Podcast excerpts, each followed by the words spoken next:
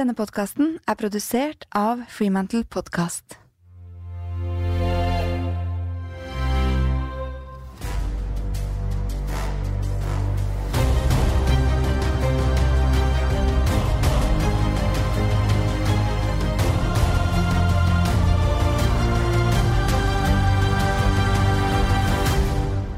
I dagens episode skal jeg ta for meg samtalen med Elin og dele det jeg tenker du kan ta med deg inn i hverdagen.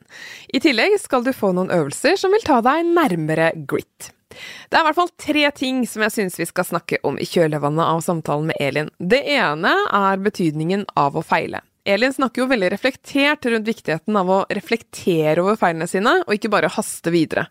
Det andre er hvordan du kan bygge opp en sunn selvtillit. Altså ikke selvgodhet, som er noe helt annet, men en sunn selvtillit som står seg som et veldig bra forsvar mot stress og press. Og det tredje som Elin også bare touchet, er jo betydningen av disiplin. Eller kanskje viljestyrke, som mange vil kalle det. Det syns jeg også vi skal nevne helt på tampen.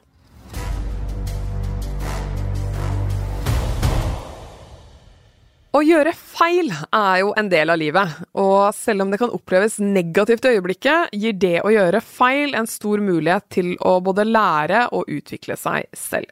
Så som jeg og Elin snakket om, det kan jo hende at vi innimellom har veldig store forventninger til oss selv når det gjelder å lykkes på ulike arenaer, så tenk litt gjennom det. Hvordan kan du forvente at du skal klare noe du prøver for første gang, på første forsøk?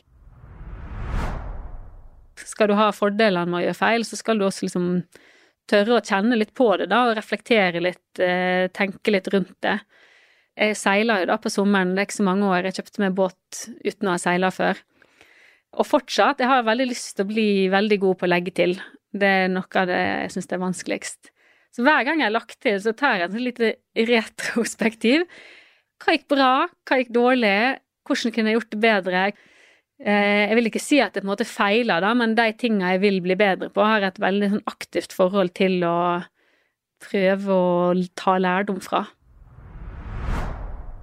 Poenget til Elin tror jeg er at du har lov å gjøre feil. Det er bra å gjøre feil, for det er nettopp det du lærer av.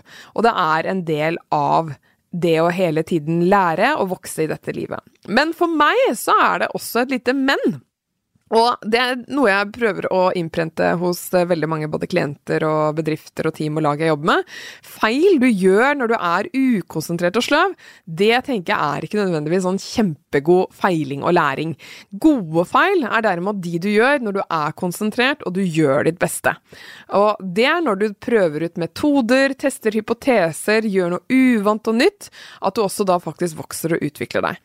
Og i idrettene så er det ganske sånn åpenbart og klart at hvis en idrettsutøver går fra trening uten å feile f.eks. en eneste gang, så kan man ofte si at har han eller hun faktisk gjort sitt beste? Eh, kunne han og hun utfordret seg selv enda mer? Sannsynligvis ja. Og det er jo det jeg tenker vi i næringslivet også kan ta med oss, at eh, vi ikke tenker nødvendigvis på at en god dag på jobben er en feilfri dag. Men igjen, gode feil er som regel når vi i hvert fall har lagt inn vårt beste, og vi er konsentrert og vi er på. Så det er ikke nødvendigvis kanskje selve feilen du lærer av, men evalueringen du gjør etterpå.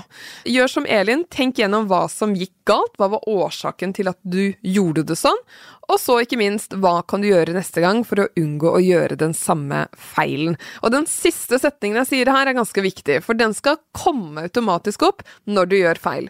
På den måten så vil jo du bygge opp troen på at du får det til neste gang. Kanskje viser evalueringen rett og slett at du ikke har prøvd mange nok ganger, eller ofte nok. Så neste gang du er misfornøyd etter en feil, eller du har tapt noe, og noen sier til deg du bare glem dette her og gå videre, så har jo jeg lyst til å utfordre deg til å tenke følgende å glemme feilen er veldig vanskelig. Du kan ikke liksom bare viske ut en situasjon fra hjernen din, men du kan være supergod på å evaluere hva som gjorde at du tapte eller feila, og så øker du jo faktisk sjansen for at du unngår å gjøre samme feil to ganger. Og klarer du å tenke på den måten, så har du jo tatt et ganske bra skritt mot å prestere bedre. Tenker du ikke på den måten, så er jo jeg redd for at du står i fare for å gjøre samme feil flere ganger, og da er det ikke like god læring. Og her handler det jo også om å ha en sterk holdning til hvordan du møter motgang, for det gjør vi jo alle i livet. Livet skjer. Og i slike situasjoner kan det være veldig deilig å begynne med bortforklaringer eller unnskyldninger som virker oppløftende der og da.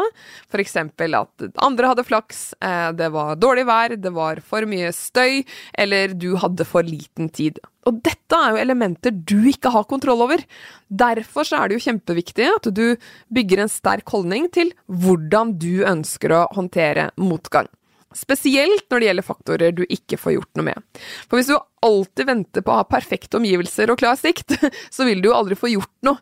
Og jeg eh, kan jo ha opplevd at andre har unnskyldt en feil med at ja, men det var ikke med vilje, og, og selvsagt, det regner jeg heller ikke med. Dersom du gjør en feil med vilje, så har man et litt større problem, tenker jeg, men å gjøre feil som er unødvendige fordi du rett og slett ikke har klart eller hatt tid til å prioritere eller konsentrere deg, da er det ditt ansvar.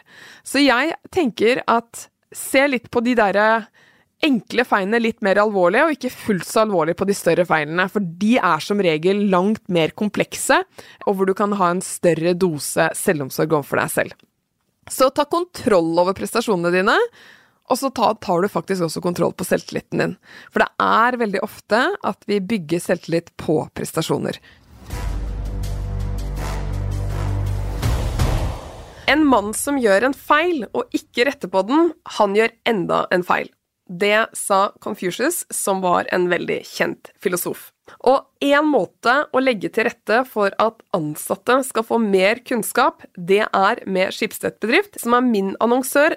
De hjelper norske bedrifter med å gjøre det enkelt for de ansatte å holde seg oppdatert, ved å tilby digitale bedriftsabonnement til alt fra store, etablerte banker til startups og offentlige og private sektorer og med et bedriftsabonnement får de ansatte tilgang til én eller flere aviser som Aftenposten, E24, VG, Bergens Tidende og Stavanger Aftenblad.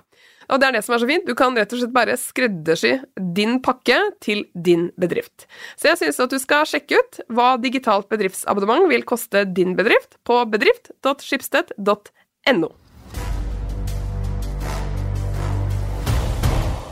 Når du er ferdig med å høre på denne episoden av Grit, så anbefaler jeg deg å gå inn og lytte til en av mine andre favorittpodkaster, nemlig Godt nok for de svina.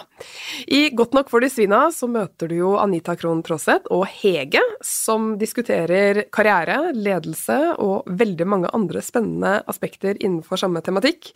Og det er spesielt én episode jeg vil tipse dere Grit-lyttere om, og det er episode 14 av den siste sesongen. Hvordan forbereder man seg rett og slett på dårlige tider? Hege lurer på hvordan det er å være leder når ikke alt handler om vekst, moro og investeringer, og det kan Anita veldig mye om. Bare hør her. Disse tingene her lærer man jo ikke på skolen. Du Nei. lærer jo ikke om å Du lærer kanskje noe generelt om å navigere i, i krevende tider, men når du faktisk sitter der, da, og det påvirker tallene dine, og, og det er litt sånn som du sier, at det er full stopp på alt av investeringer. Mm. Planer du har hatt om å ansette folk, blir bare stoppet. Og da blir det stoppet på timen, altså. Så har du lyst på first hand information om hvordan man faktisk skal klare å motivere seg i motgang, så syns jeg du skal tikke innom. Eh, godt nok for de svina.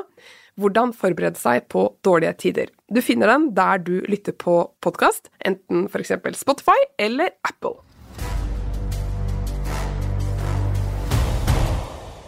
Så tenker jeg at det kan være viktig å bygge videre på å ha fokus på det store bildet. For du, ikke la små feil tære på selvtilliten din. Gir du små ting for mye oppmerksomhet, kan du fort glemme hvor bra du gjør det i den store sammenhengen. Vær nyansert. Altså Jeg bruker å spøke litt med at jeg har litt sånn ukalibrert selvtillit. Jeg prøver jo også å realitetsorientere litt og få litt feedback, men ofte så handler jo det å få til ting på jobb nettopp om å tørre å ta litt sjanser og si ja. Eh, og da har jeg alltid tenkt litt sånn, ja, men det her får jeg jo til. Selvtillit er et valg på mange måter. Finn den styrken innenfra. Og samtidig er det jo sånn at vi blir, kan i hvert fall bli motivert av andres meninger og tilbakemeldinger. Og da å være ganske bevisst på hvem du skal lytte til og ikke, er viktig for utviklingen vår. Det snakket jo også Erna Solberg om veldig godt i episode én. Så du kan ikke kontrollere tilbakemeldinger du får, men du kan kontrollere hvordan du også velger å la de påvirke deg. Du velger hvem du har tillit til, hvem du bør lytte til, og hvem du kanskje bør overhøre. Alle vil ha forskjellige meninger om deg, og det kan det være litt lett å bli frustrert på. Hold fokus på de menneskene som gir deg styrke, konstruktive tilbakemeldinger, og husk at i mange settinger så presterer du jo faktisk for din egen del. Og jeg må si at eh, jeg ble veldig inspirert når jeg hørte at mange skoler så er det mange lærere da, som har byttet ut eh, ordet tilbakemelding med fremovermelding. Slik at når elevene skriver på en stor oppgave, så får de av gode lærere en fremovermelding halvveis i prosessen. Eh, det betyr at læreren skal ikke lenger bare melde tilbake, men gi en melding som bringer eleven fremover. Og er ikke det litt fint?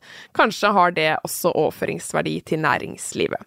Så for å få opp selvtilliten er i hvert fall Tenk bestandig tilbake på situasjoner der du følte deg god. Dette kan du gjøre i perioder du har eh, litt lavere selvtillit og føler at eh, det er lite som går din vei. Hent fram de følelsene du hadde i den situasjonen du hadde mye selvtillit og presterte godt. Og du, avslutningsvis, husk på det Elin sa om disiplin. Så jeg har alltid tenkt at man kan bare gjøre ei stor endring i livet om gangen. Og så må du gi deg sjøl liksom slekk for alt annet.